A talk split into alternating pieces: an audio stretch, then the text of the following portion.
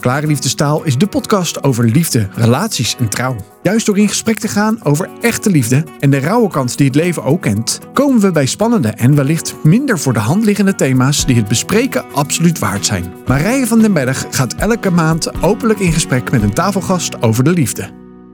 Vandaag ga ik in gesprek met Ben Verboom. Hij is voorganger van de Life Access Church in Amsterdam. En hij is ook enorm bevlogen als het aankomt op het thema relaties. Uh, gezond leven weet hij alles vanaf, want hij is vanuit de zakenwereld...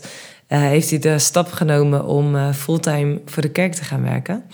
En dat is denk ik een passie die ergens al heel lang in zijn hart leefde. Maar wat hij ja, een aantal jaar geleden als grote stap genomen heeft... om echt als voorganger ook aan de slag te gaan. En vandaag gaan we in gesprek over relaties, over communicatie en nog veel meer. Ben, van harte welkom. Ja, dankjewel. Super tof dat je mee wilt werken aan deze Klare Liefdestaal podcast. Ja. En uh, hoe lang ben je inmiddels getrouwd met Doreen? Nou, sinds 2 juni 2022 zijn we vijf jaar uh, getrouwd. Dus uh, Kijk. we hebben het gevierd. Ja, was het tijd om een, een, vlag uit te hangen? Ja, zeker ja. Ja, het was wel een hele bijzondere dag. En tegelijkertijd ja, zijn we al zo lang samen. Was het ook gewoon een bekroning weer en een mooie mijlpaal op de relatie die we al heel lang hebben. En dat heel lang. Hoe lang zijn jullie al samen? Uh, we zijn, toen we 15 waren, hebben we elkaar ontmoet. Dus ik ben nu 31 jaar. Dus dan moet je nagaan dat we elkaar al zo lang kennen.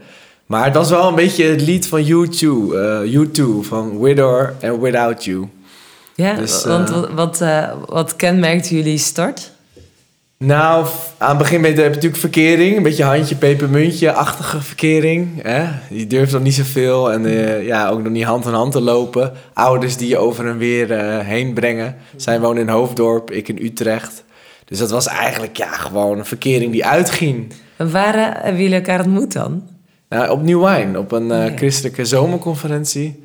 En daar zagen we elkaar. Was zij aan het pokeren en ik dacht, nou, laat ik eens mee gaan pokeren.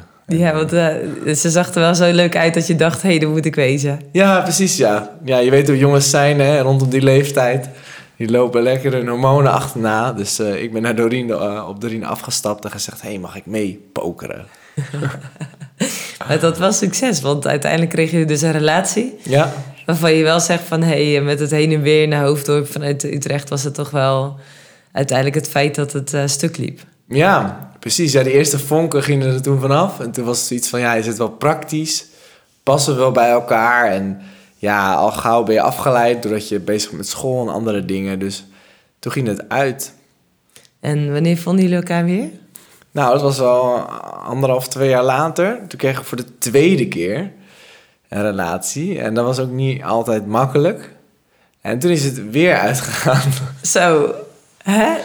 Ja, ja, het is weer uitgegaan, um, maar ja, omdat het gewoon zoeken was in studententijd.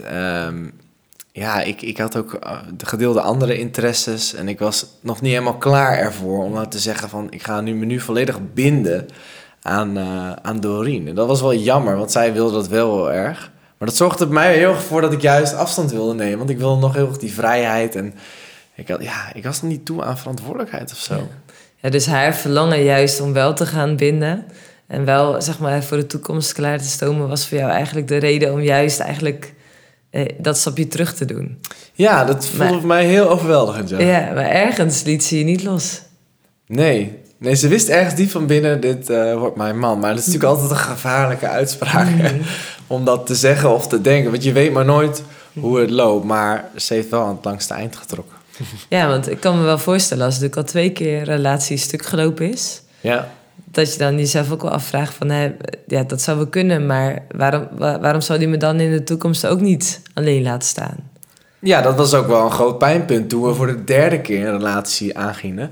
Van oké, nu moeten we er wel all in gaan. Samen en aan die punten gaan werken. En hoe ben je daaraan gaan werken? Nou, we hadden eerst een relatie en ik weet nog wel in uh, uh, Zandvoort dat ik haar toen voor de derde keer... Eigenlijk vroeg ik haar ten huwelijk, zo voelde het. Want ik zei, we hadden besproken, als we er nu voor gaan, als we nu allebei ja zeggen op elkaar, dan wordt het een ja voor het leven.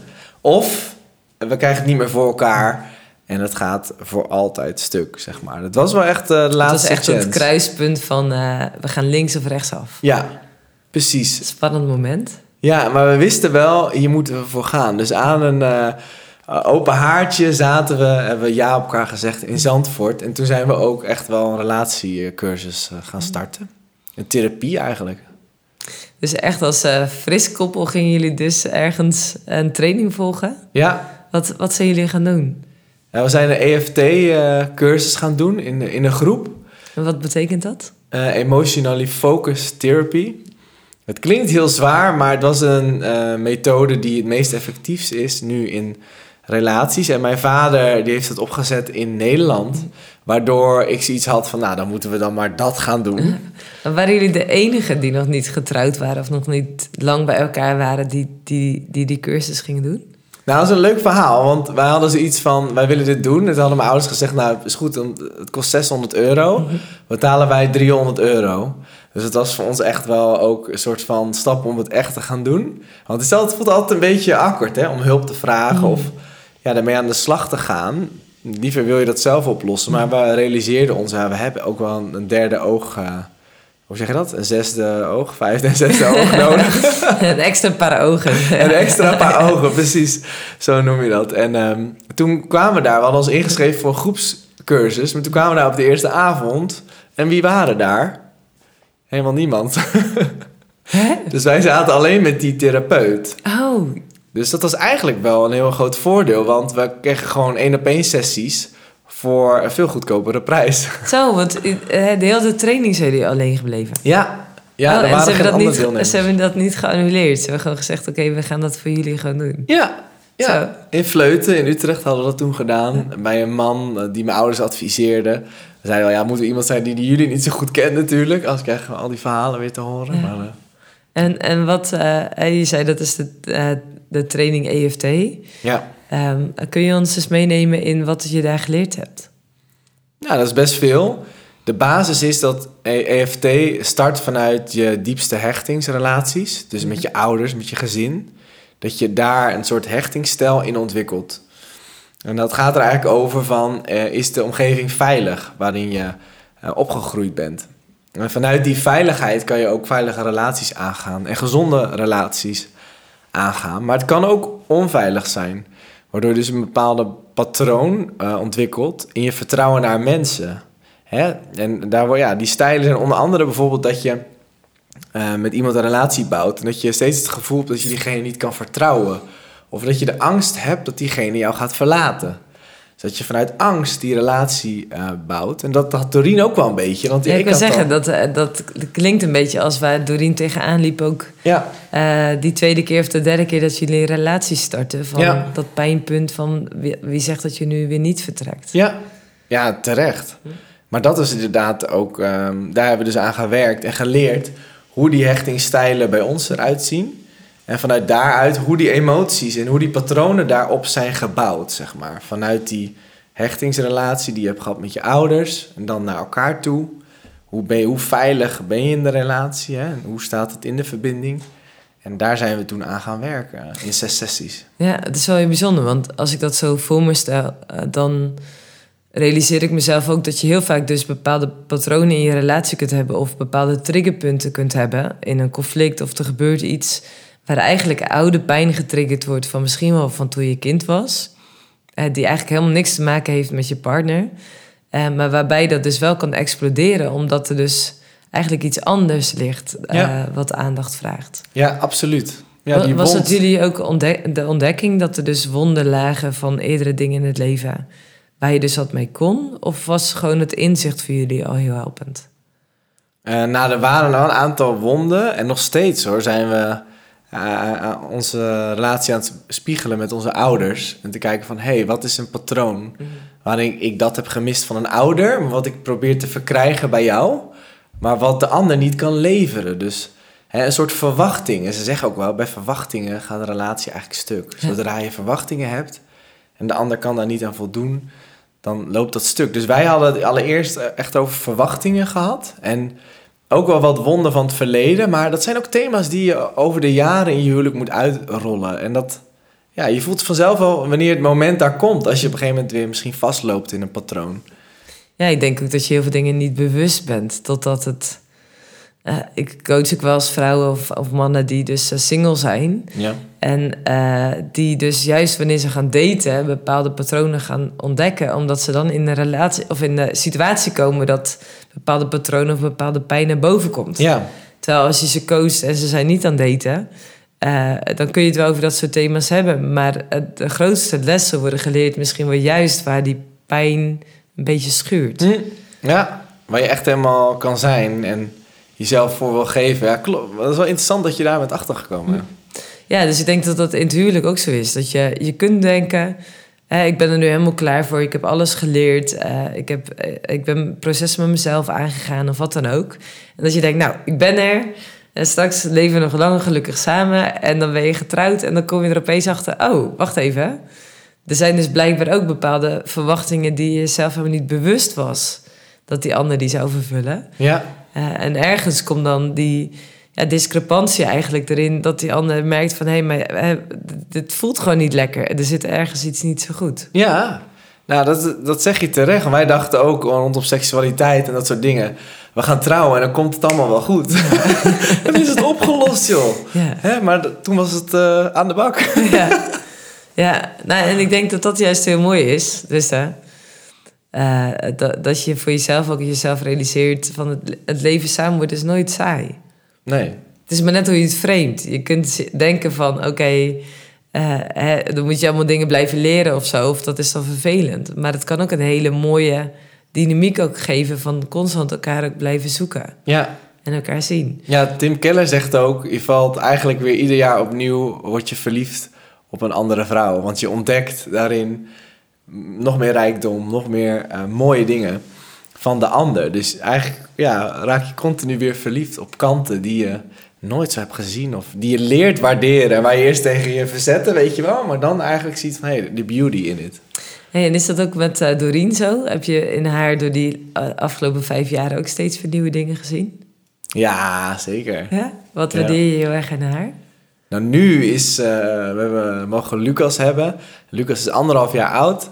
Daar zijn we heel dankbaar voor. Hij lijkt heel erg op mij, qua karakter. Maar ook heel erg op Doreen. Dus Doreen brengt stukken rust. En Lucas heeft ook wel echt die basis rust. En daarnaast is ze heel creatief. Dus zij eh, benadert gesprekken en, en dingen op een hele andere manier dan ik het zou doen. Ik ben een beetje gewoon een mainstream gast die best wel gewoon normaal ja, denkt en logisch nadenkt van nou, als A A is, dan is B dan de uitkomst. Maar bij Doreen is dat compleet anders en dat is wel heel interessant. Eh, en dat waardeer ik heel erg aan haar. En ze is ook echt een hele goede moeder. Echt, ze kan in het moment gewoon spelen met Lucas. Ja, dat vind ik nog wel een uitdaging. Maar dat kan ik heel erg waarderen aan haar. Dat ze gewoon altijd in het moment is. Dat is echt eh, heerlijk. Ja, dat is ook mooi hè? Dat je daarin elkaar ook waarschijnlijk echt als tegenover elkaar aanvult. Ja, En heel veel dingen echt anders zijn ook eh, ja. dan het geheel. ja. Hey, en met die EFT, ik, wat ik ervan weet, want ik heb zelf nog nooit zo'n eh, traject gevolgd, is dat je daarin ook iets met een dans beschreven wordt. Klopt dat? Ja. Ja, dus je hebt je hechtingsstijl. Hè? Wat je heel goed zei, je communiceert eigenlijk vanuit een onderlaag, onder de ijsberg. En daaruit communiceer je vanuit eh, verlangens, behoeftes, maar ook waarden. Dingen die voor jou belangrijk zijn, waarop jij je levenshuis hebt gebouwd. En als het ware eh, kan je in een dans verstrikt raken, in een positieve dans. Hè? Als je aan het dansen bent, dat je echt die chemie voelt en dat je lekker op de dansvloer staat en je voelt, hé, hey, daar is die klik. Maar het kan soms ook zomaar zijn dat je dus aan het dansen bent en dat je ervaart van, hé, hey, die ene partner probeert mij een beetje te duwen in een bepaalde richting. Of ik vind het eigenlijk helemaal niet fijn dat de vrouw de dans overneemt. Hè? Dat kan soms helemaal niet, ehm, ja, hoe zeg je dat, vloeiend in elkaar overgaan. Ja, en dat is een soort metafoor van ja, de dans van je leven met je levenspartner. Ehm, dus dat is eigenlijk een beetje de dans. Ja, ik denk dat iedereen daar wel een voorstelling van kan maken. Ja, toch? Toch? Ja. Ja. Hey, en die zes verschillende thema's die er... eh, eh, je had het over hechting. ja. Wat voor thema's kwamen daar nog meer te sprake? Nou, dus, dus die patronen, Mhm. hè, en welke dans zit je en hoe kan je die dans weer op een goede manier eh, creëren. Ehm, maar dat gaat dus vooral over patronen. Het gaat over verwachtingen, over en weer. De ander echt zien en aansluiten op de behoeften van de ander. En ook vooral, ja, hoe ga je nou, als je vast bent gelopen... Hè, ze vergelijken dat een beetje met ja, verschillende dieren. De gorilla, ik ben een beetje de gorilla. En de gorilla die gaat, als het ruzie is, gaat hij heel erg ah, zijn kracht laten zien. Kom dan, kom dan nu praten, als het ware. Hè? Dat is de metafoor. Dus je kan heel dwingend zijn naar Doreen, van ik wil het nu uitpraten. En Doreen heeft juist een beetje de schildpad nodig. Dus dat ze zich een beetje terugtrekt, dat zich een beetje verstopt onder haar schild, om even na te kunnen denken van, hé, hey, wat gebeurt hier nou? Ja, en Ja. zo heb je de, ja, daar ga je ook over praten tijdens die therapie. Ik kan me zo voorstellen dat je, als je dan een conflict hebt samen, dat dat echt totaal verschillende behoeftes zijn. Want jij wil gewoon, hupsakee, gooi het op tafel. Ja, Terwijl zij juist eerst even terug wil trekken ja. Eh, eh, in haar eigen plekje om vervolgens gewoon vanuit de rust dat gesprek aan te gaan. ja. Hoe was jullie eerste ruzie? Oh, nou, we hebben heel veel discussies en ruzies gehad. Ja? hoor. Ja, als ik eerlijk ben. Wij zijn zulke tegenpolen. Ehm, ja, onze eerste ruzie. Weet ik niet eens meer. Maar dat heeft vooral te maken met onze ruzies gaan over karakterverschillen. Over dingen, hoe zij dingen aanpakt en ik. Ehm, en dat, ja, het heeft echt eh, eh, heel verschillend. Maar eh, ik denk wel toen we zijn gaan samen wonen, hè, waren ze eerst getrouwd. Ik koos ook bewust voor. Om eerst gewoon te trouwen en dan te gaan leren samenwonen. Maar daarin merkten we al onze eerste ruzie ja, ontstond natuurlijk met huishoudelijke taken. En opruimen en schoonmaken en wat je mee had genomen van je ouderlijk huis. Zo begonnen de eerste discussies van... Ja, ik leerde van mijn pa altijd dat ik heel goed... eh, die ging altijd opruimen als hij thuis kwam.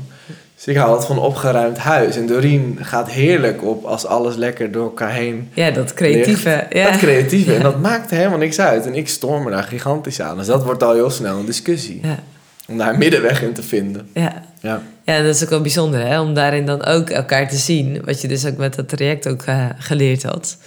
Ehm, en daarin dus ook samen wel uitspreken waar je zelf ook behoefte aan hebt. Om, en daar elkaar dan in te vinden. ja precies. Want wat ook wel interessant is, is eh, het voorbeeld dat je altijd gebruikt tijdens die training.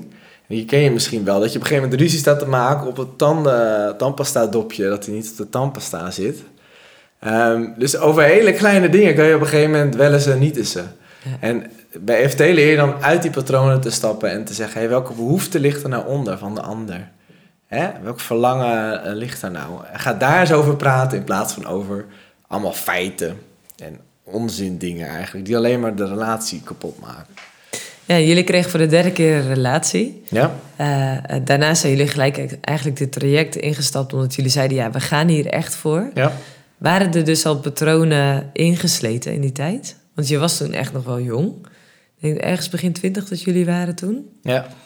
Eh, eh, heb je dat ook gemerkt, dat er al patronen toen al ingeslepen zaten? Ja, met, eh, dus dat Doreen bang was dat ik haar weer ging verlaten. Dat was echt wel een patroon die terugkwam. Dus, hè, dus als, als ik dan bijvoorbeeld even een paar dagen niks van me liet horen... omdat ik een weekend weg moest met de kerk of wat dan ook... dan was voor haar een, een soort trigger van... hey, houdt hij nog wel van me? Eh, is hij er niet van door? Dat, dat slaat natuurlijk nergens op, maar het is wel eh, iets wezenlijks voor haar geweest. Dus dan is het heel belangrijk dat we even in, inchecken bij elkaar. En laten zien van blijk van waardering van... hé, hey, ik denk aan je en eh, je bent belangrijk voor me. Ik verlaat je niet. Nee. Ik blijf bij je. Dus je, moet- ook jij moest daarin eh, je best doen om haar daarin te zien. Zeker. Dus het was echt Ja. een wederzijds stukje voor haar om het uit te spreken. En voor jou ook om daarin jezelf bewust te zijn van... oké, maar dit heeft ze blijkbaar nodig. Ja. Ja, en eh, ook daden laten zien van... zie je wel, ik verlaat je niet. Dat zij op een gegeven moment kan thuiskomen en kan ontspannen. En gewoon eh, ja, lekker weet vanuit het vertrouwen van... het is oké, zij is oké en ik ben oké. Ja. Ja. Zo mooi, hè? Ik hoop van de zomer te gaan trouwen. Mhm. En wij merken echt dat we eh, juist door... we zijn allebei wat ouder. Mhm. En dat ge- geeft voor ons heel veel voordelen. Omdat we daar waar we stonden... eigenlijk vanaf het begin al zo'n veilige relatie opgebouwd hebben. Mooi. Waarin we allebei ook uitgesproken hebben naar elkaar... we hebben nog nooit getwijfeld aan elkaar over onze toekomst.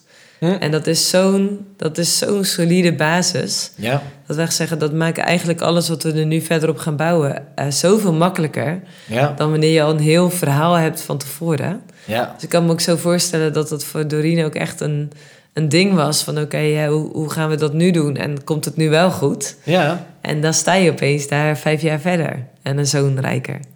Ja, dat fundament wat jullie hebben, dat is onwijs belangrijk. Want dan kan je bouwen. Ja. Zonder fundament kan je een huis niet bouwen. Nee.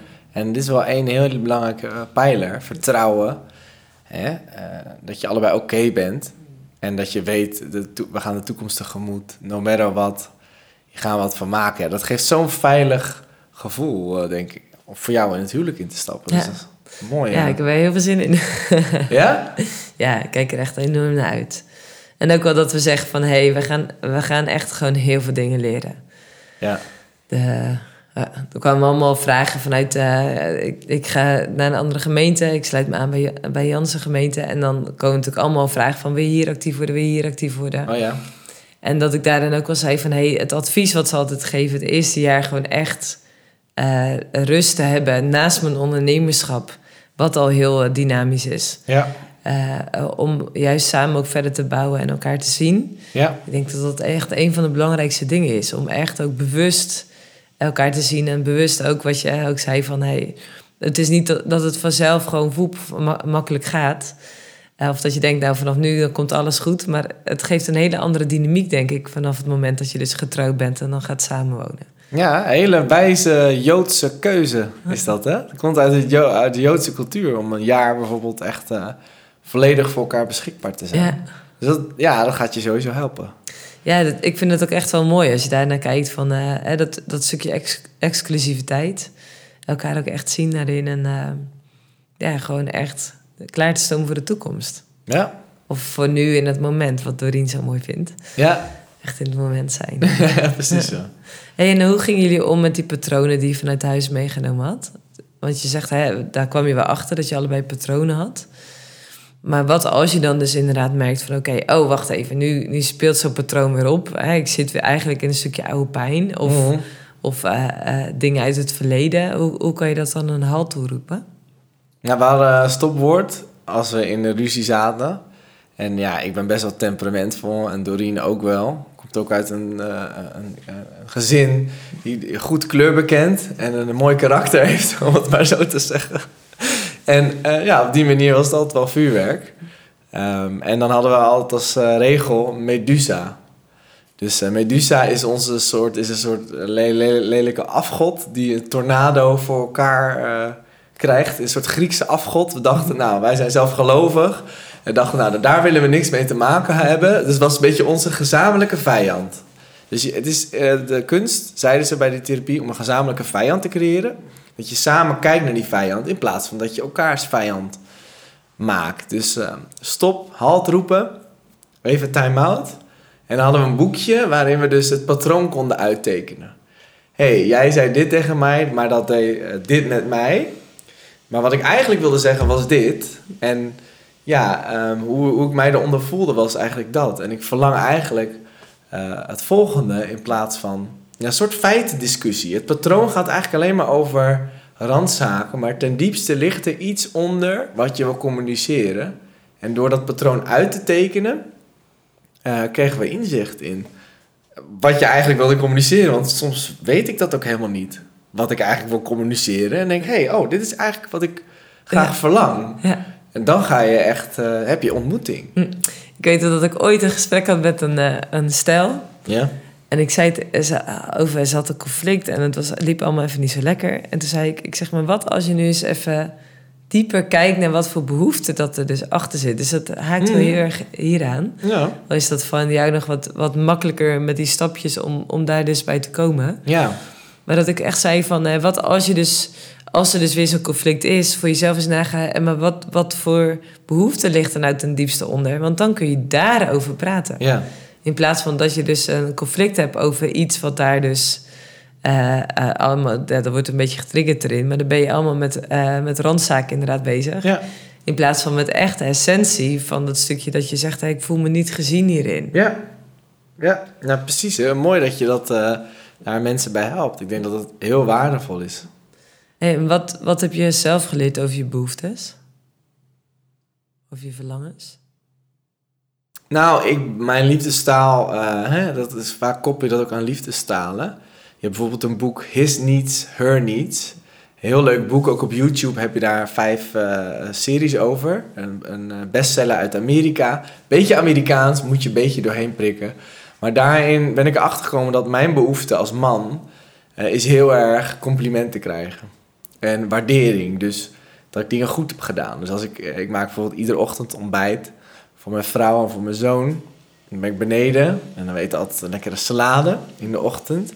En dan is het wel fijn om af en toe gewoon te horen van... hé, hey, dankjewel eigenlijk. Ook al is het de normaalste gang van zaken... en is het gewoon iets wat honderdduizend keer voorkomt in een jaar... Hè, en ook door de jaren heen. Het is wel fijn om af en toe uh, die erkenning te krijgen van... hé, hey, dankjewel. En uh, wat goed dat je dat gedaan hebt. Ja, ik heb veel mensen ook gesproken die het boek kennen Liefde en Respect. Oh ja, ja. Daar haakt het denk ik ook heel erg ja. aan. Mooi boek ook, Uh, ja. om, uh, om daarin ook echt dat stukje respect te krijgen. Dat je jezelf als man zijn ook gewaardeerd voelt door je vrouw. Ja. En ik denk als je kijkt dus, uh, bijbels gezien, kijkt naar Efeze 5... waarin de vrouw ook uh, opgeroepen wordt om de man te respecteren... Mooi. En de man die, opgeroepen wordt, uh, geroep, die wordt opgeroepen om zijn vrouw lief te hebben zoals Christus de gemeente lief had. Yes. ik zei ooit tegen in een klas toen ik daar les gaf over dit thema. Ik zeg, nou, ik ben zo blij dat ik geen man ben. nou, waarom? Waarom? Nou, Jezus gaf tot aan zijn leven voor, zijn, voor de bruid. Ja, maar er is niks moois dan dat, toch? Dus een jongen uit de klas zei inderdaad... Mevrouw, vind ik echt stom dat u dat zegt. Want het is toch juist hartstikke mooi? oh, precies. Oh, ja, oh, ja, dus ik word tegen mijn vingers gedikt. En wow. uh, ja, ik vond het echt zo mooi. Omdat, ja, dat was ook echt zo. Dat ik echt dacht, dat, dat is ook echt zo. Wauw, oh, wat grappig. Gewoon, uh, ja. het is zo mooi wanneer je zo ook elkaar ziet. En, want het gaat ten diepste over, kun je de ander echt zien? Ja. Uh, wil je echt ook aansluiten bij de ander? Wil je daar zelf ook moeite voor doen? Ja. Um, Oh, je, je, had het net over de liefdestalen. Ik merk wel eens dat mensen zeggen: hè, dit is mijn liefdestaal. Zo ontvang ik graag. En zo geef ik makkelijk. Uh, that's it, soort van. Ja. Uh, terwijl ik denk juist, al heb je het dus over elkaar zien... je ook echt de keuze kunt maken om bewust de ander te dienen... in uh, datgene hoe dat de ander dus oplaat. Ja, ja ik heb dat in een van mijn oude voorganger Martin de Jong... uit Motion Church Utrecht. Die zei altijd, je moet elkaars liefdesbank moet je vullen... Dan moet je geld op storten. En je moet wel weten uh, welk geld je, welke valuta je moet betalen. om daar geld op te storten. Dat gaat niet over je eigen valuta, zeg maar. Want is het voor de Rien niet zo dat ze uh, echt merkt dat ze door complimentjes echt merkt dat ze oplaat? Nee, precies. Wat, uh, wat is het voor haar? Uh, aanraking, knuffel, geborgenheid, veiligheid. even die arm, even die hand. Ja, dat is absoluut uh, de nummer één. Dat is waarmee ik de meeste punten kan scoren. en was het jouw natuurlijke manier om te geven? Nee, ik vind dat heel lastig. Uh, bijvoorbeeld vanochtend ben ik ook heel doelbewust nog even naar de auto gelopen. En echt even een kus gegeven, een knuffel en even aangekeken. Van, hé, hey, weet je wel, zet hem op. Maar dat moet ik echt mezelf uh, bewust in bekwamen. Want anders, uh, ja, als, zeker als je moe bent, ja, dan vervalt het een beetje. Want dan word je weer op jezelf gericht. Dan komt dat egoïsme weer naar boven. En dan uh, ja, ik moet mezelf wel echt trainen erin. Ja, en daar zeg je natuurlijk nogal wat, hè? Dus goed voor jezelf zorgen en dus ook de rust zoeken en vinden voor jezelf, zodat je ook de ander kunt zien, is denk ik een van de grote sleutels in het, in het vrouw om een relatie ook gezond te houden. Nou, precies, want je wilskracht, kijk, veel mensen leven natuurlijk keihard voor hun werk, komen ze thuis en die krijgen de randjes van de akkers. Ja, het laatste beetje wilskracht wat er over is. Dus je moet goed opletten dat je reservoir van wilskracht, dat die vol blijft en dat je nog over hebt om eigenlijk aan je gezin te geven. En we herkennen het allemaal, ik ook. Soms kom je thuis, heb je niet verwerkt, heb je niet wat verwerkt en dan krijg je meteen ruzie. Maar dat komt omdat je gewoon ballast meeneemt van je werk. En het is wel denk ik heel belangrijk om uh, present te zijn. En uh, ook over te hebben, want dan kan je werken aan je relatie. Dan kan je actief de ander geven wat hij nodig heeft. Want als je dat niet hebt, dan ben je alleen maar naar beneden en naar jezelf gericht. Ja, dat is wel mooi hè? Dus het belang dus van goede zelfzorg om de ander ook te kunnen dienen. Ja, precies. Het begint, uh, John Maxwell zegt, het begint, leiderschap begint eh, bij het instapniveau zelfleiderschap. En vaak de baasjes van vandaag, die vergeten voor hun eigen lichaam te zorgen, voor hun eigen noden en psyche. Want level 2 is leiding geven aan je gezin. En als je stap 1 overslaat, hoe kan je nou leiding geven aan je gezin als je niet eens kan leiding geven aan jezelf? En dat is, uh, ja, vaak daarom zie je vaak mensen in grote organisaties die burn-out gaan, heel zwaar overgewicht hebben, omdat ze heel ver rijken, terwijl ze de basis, het instapniveau, zorgen voor jezelf niet hebben bereikt. En daardoor kan je ook niet zorgen voor de ander. Ja, zo mooi hè, gewoon de, de realisatie van, oh ja, uh, Tessa van Os uh, is op dit moment een hele serie te, aan het maken over zelfliefde. Ja, ik zag het, ja. En ik, uh, ik gooide daar ook wel eens een knuppel in het hoenderok over. je moet een ander lief hebben zoals jezelf. En, of je naast als jezelf. God lief hebben boven alles en je naast als jezelf. Ja. En mensen verwarren dat wel zijn van... maar dan moet ik ook van, meer van mezelf leren houden. En ik zeg dan altijd van... weet je, in Efeze 5, dus in het vervolg van waar we het net over hadden staat dat niemand zijn eigen vlees haat. Dus het is altijd boeiend als we zeggen: ik moet meer van mezelf leren houden. Uh, wat je zegt als je moe bent, dan denk je eigenlijk altijd weer aan jezelf. Dan komt het egoïsme weer omhoog. Ja. Dus we houden enorm van onszelf. Alleen we durven heel vaak één, de confrontatie niet met onszelf aan te gaan. Of twee, onszelf ook niet te accepteren. Ja. En dus ook niet de verantwoordelijkheid voor onszelf te nemen. Ja. En daar begint inderdaad een stukje zelfleiderschap. Dat begint in, zeg maar, gewoon verantwoordelijkheid nemen voor jezelf. Zodat je oog kunt hebben voor God en je naaste. Ja, tuurlijk. En vooral ook in je, in je relatie, in je huwelijk. Ja, want als jouw een... Kijk, hè, holistische gezondheid is hart, ziel, geest en lichaam. Dat zijn vier parameters. Vier batterijen. Vier bronnen die je kan vullen. En die kunnen leeglopen. Maar als je zelf niet emotioneel over hebt... Ja, precies wat jij zegt. Dan is er niks om te geven. Dus het is heel belangrijk dat je daarin ook je verantwoordelijkheid neemt. En uh, ja, dan neem je ook, dus eigenlijk ook de verantwoordelijkheid voor de ander daarin. Ja, je hebt jarenlang heb je daarop gespecialiseerd. Ja. Dat was je vak natuurlijk voordat je ja. uh, voltijd als uh, voorganger aan de slag ging. Ja. kun je de luisteraars meenemen in, in hoe, dat, dat, hoe dat je dan dus holistisch goed voor jezelf kunt zorgen... om ook echt emotioneel present te kunnen zijn richting je partner? Nou, wat ik geleerd heb in mijn coaching is: het is universeel dat of je hebt een probleem, een tekort gehad met je vader of met je moeder. Dus het is ook heel makkelijk om als coach te zeggen: Nou, maar vertel mij maar eens. Hè, wie is het? En dat is heel confronterend.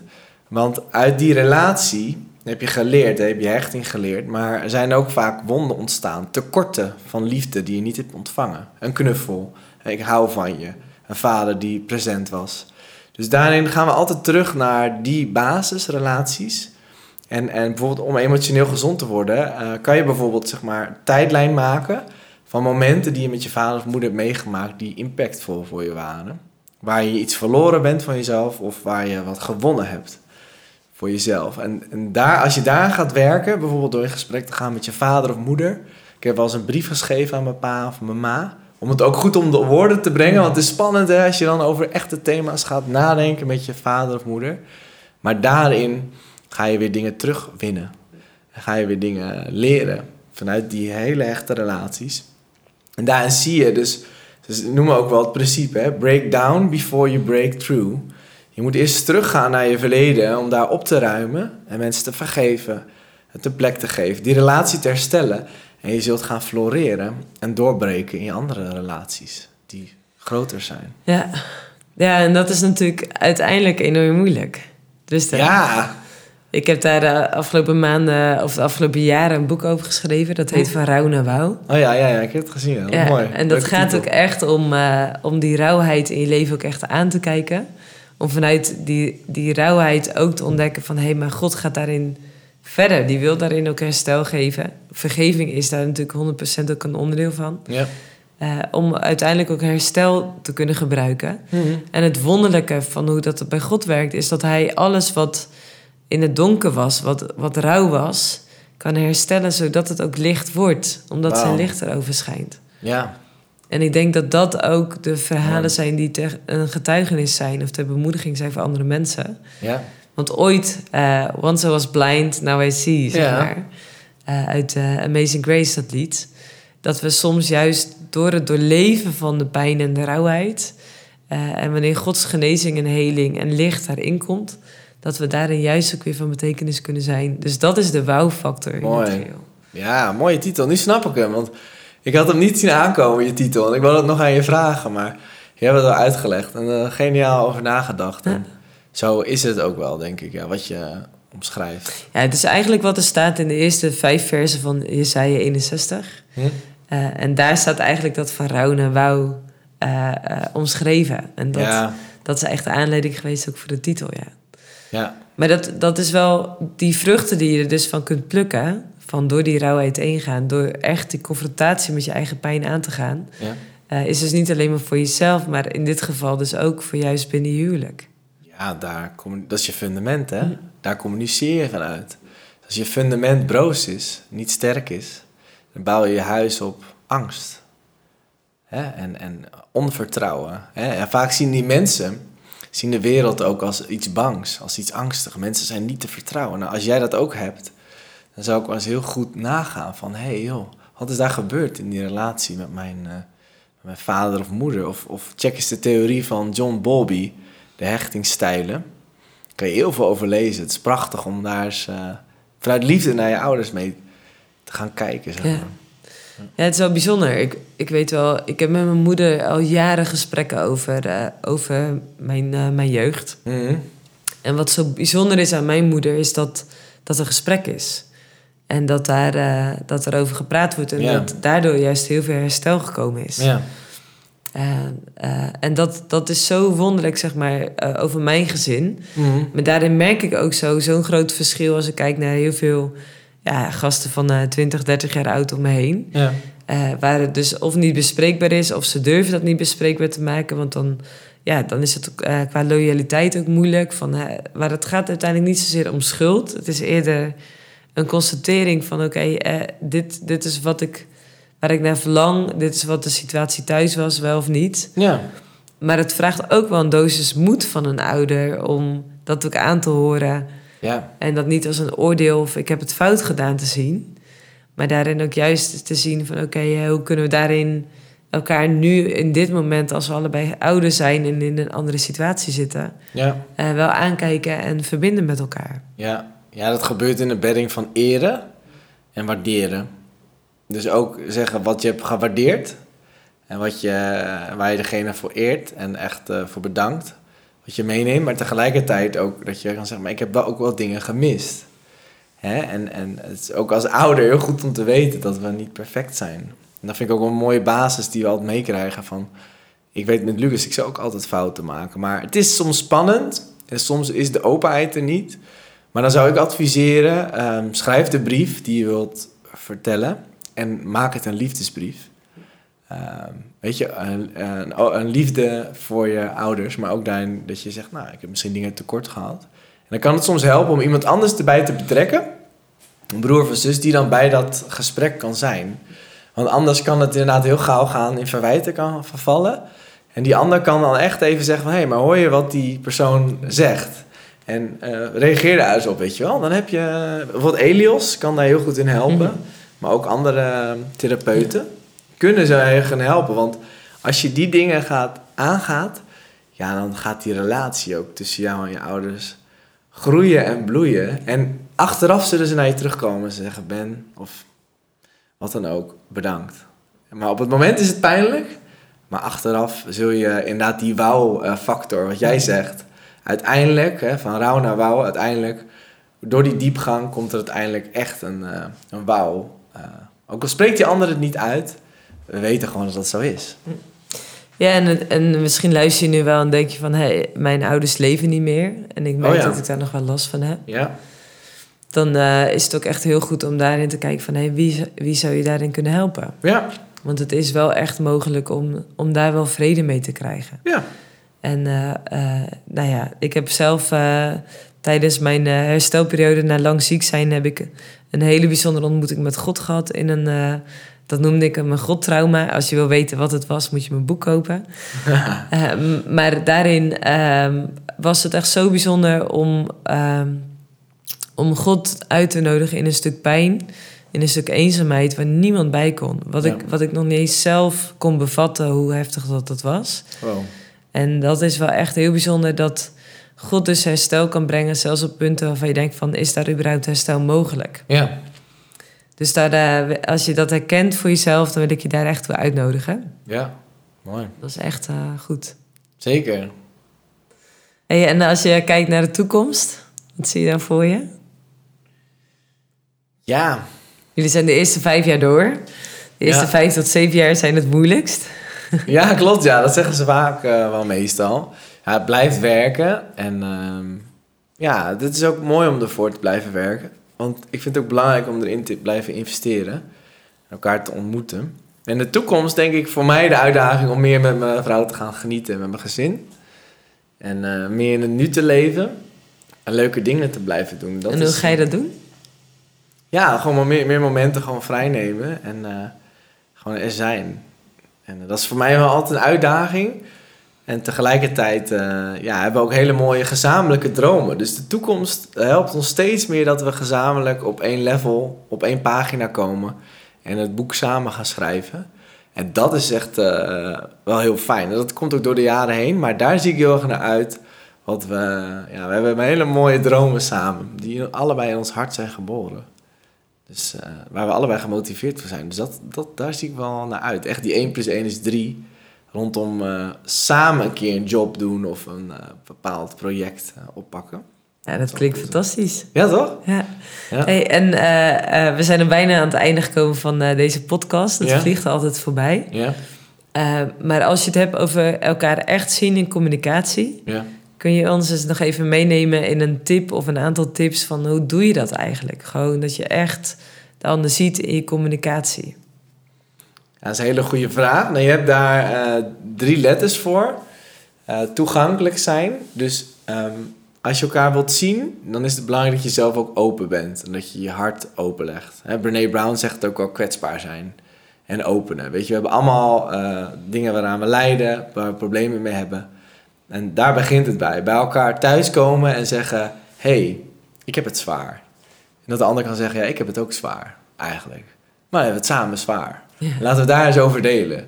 En die schil, als je die schil afpelt en de echte ontmoeting met eh, ook, ja, elkaar hebt, van hey, ik ben eigenlijk niet oké, ik ben moe, ik zit er doorheen, kan je even meehelpen, kan even meedenken.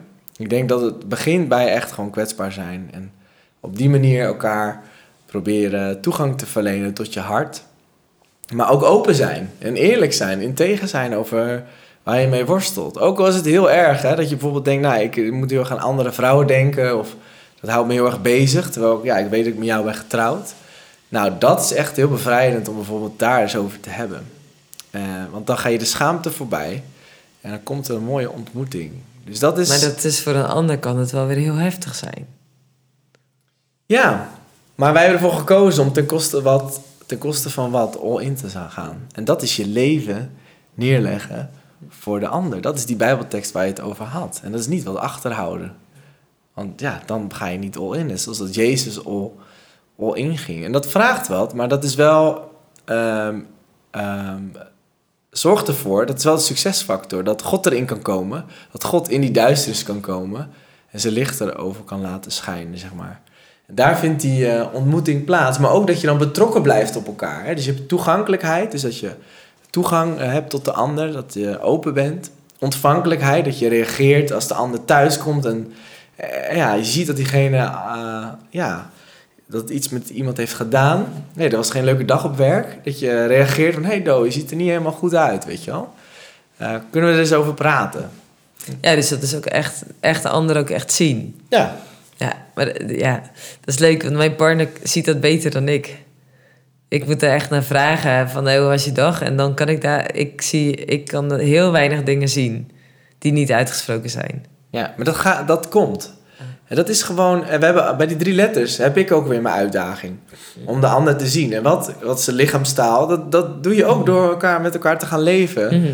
En te zien aan de mimiek van, oh ja, wacht even. Ja, goede bemoediging. Ja. Ja, nu loopt het zo. En ja, ik, voor mij is het altijd de kunst om niet over de feiten te blijven praten.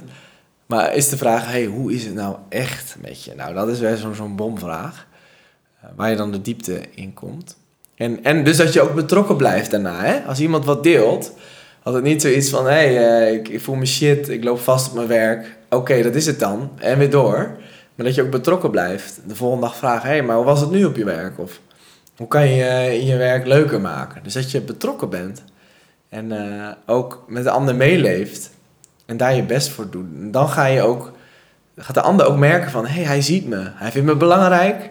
Uh, hij kiest voor me en hij vraagt naar me. Hé, hey, dat is fijn. En dan heb je een soort hè, backbone, een soort ruggengraat van elkaar. En dan kan je het leven ja, glorieus tegemoet.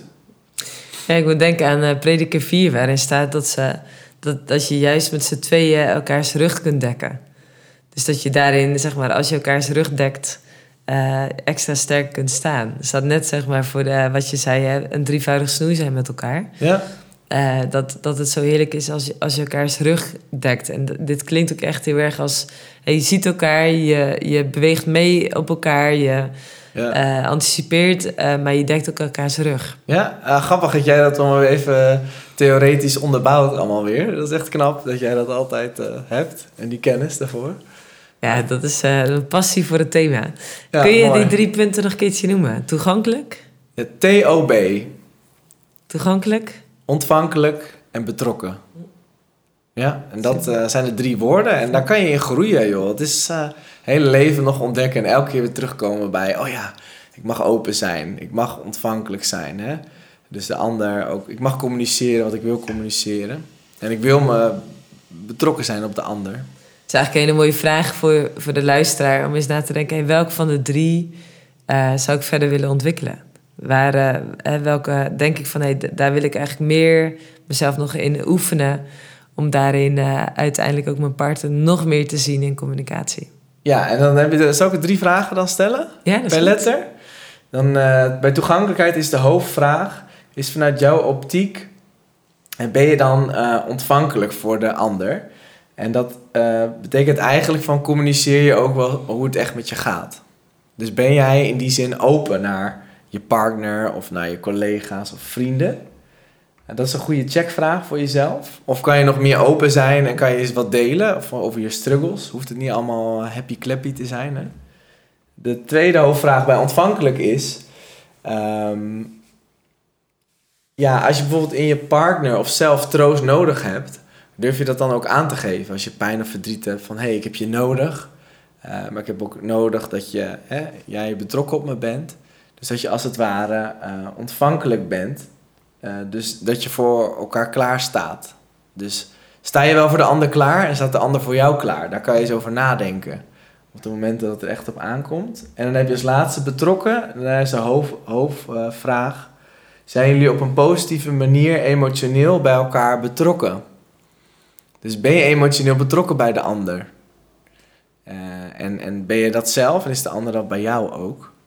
Uh, dan kan je het dan eens over hebben. En dat gaat het dan vooral uh, over de emoties delen en in verbinding staan rondom die emoties. Nou, dat is een hele mooie laatste afsluiter. die je ook echt uitnodigt tot actief ook jezelf onder de loep nemen en samen dat gesprek aan te gaan. En ook een mooie vind ik, uh, die ik zelf ook meeneem van in hoeverre heb je ook echt de rust om de ander te zien. En uh, gewoon nog uh, ja, wat emotionele presentie kunt bieden op het moment dat je thuis komt na een drukke werkdag. Precies. Of ook dat je in het weekend niet alleen maar bij ligt te komen van een hele drukke werkweek. dus echt een hele mooie aanmoediging om samen een positieve dans te dansen. En heerlijk als prachtig koppel door het leven te gaan. Mooi. Nou Ben, enorm bedankt. Ja, dat was leuk. En ik kijk uit naar de komende jaren van jou en Doreen. En ook uh, het waarmaken van jullie dromen. Ja. Daarin. En uh, ja, fantastisch ook hoe je als voorganger ook uh, je gemeente in Amsterdam ook voorgaat. Ja. En daarin van betekenis bent. Dankjewel. Ja, jou bedankt.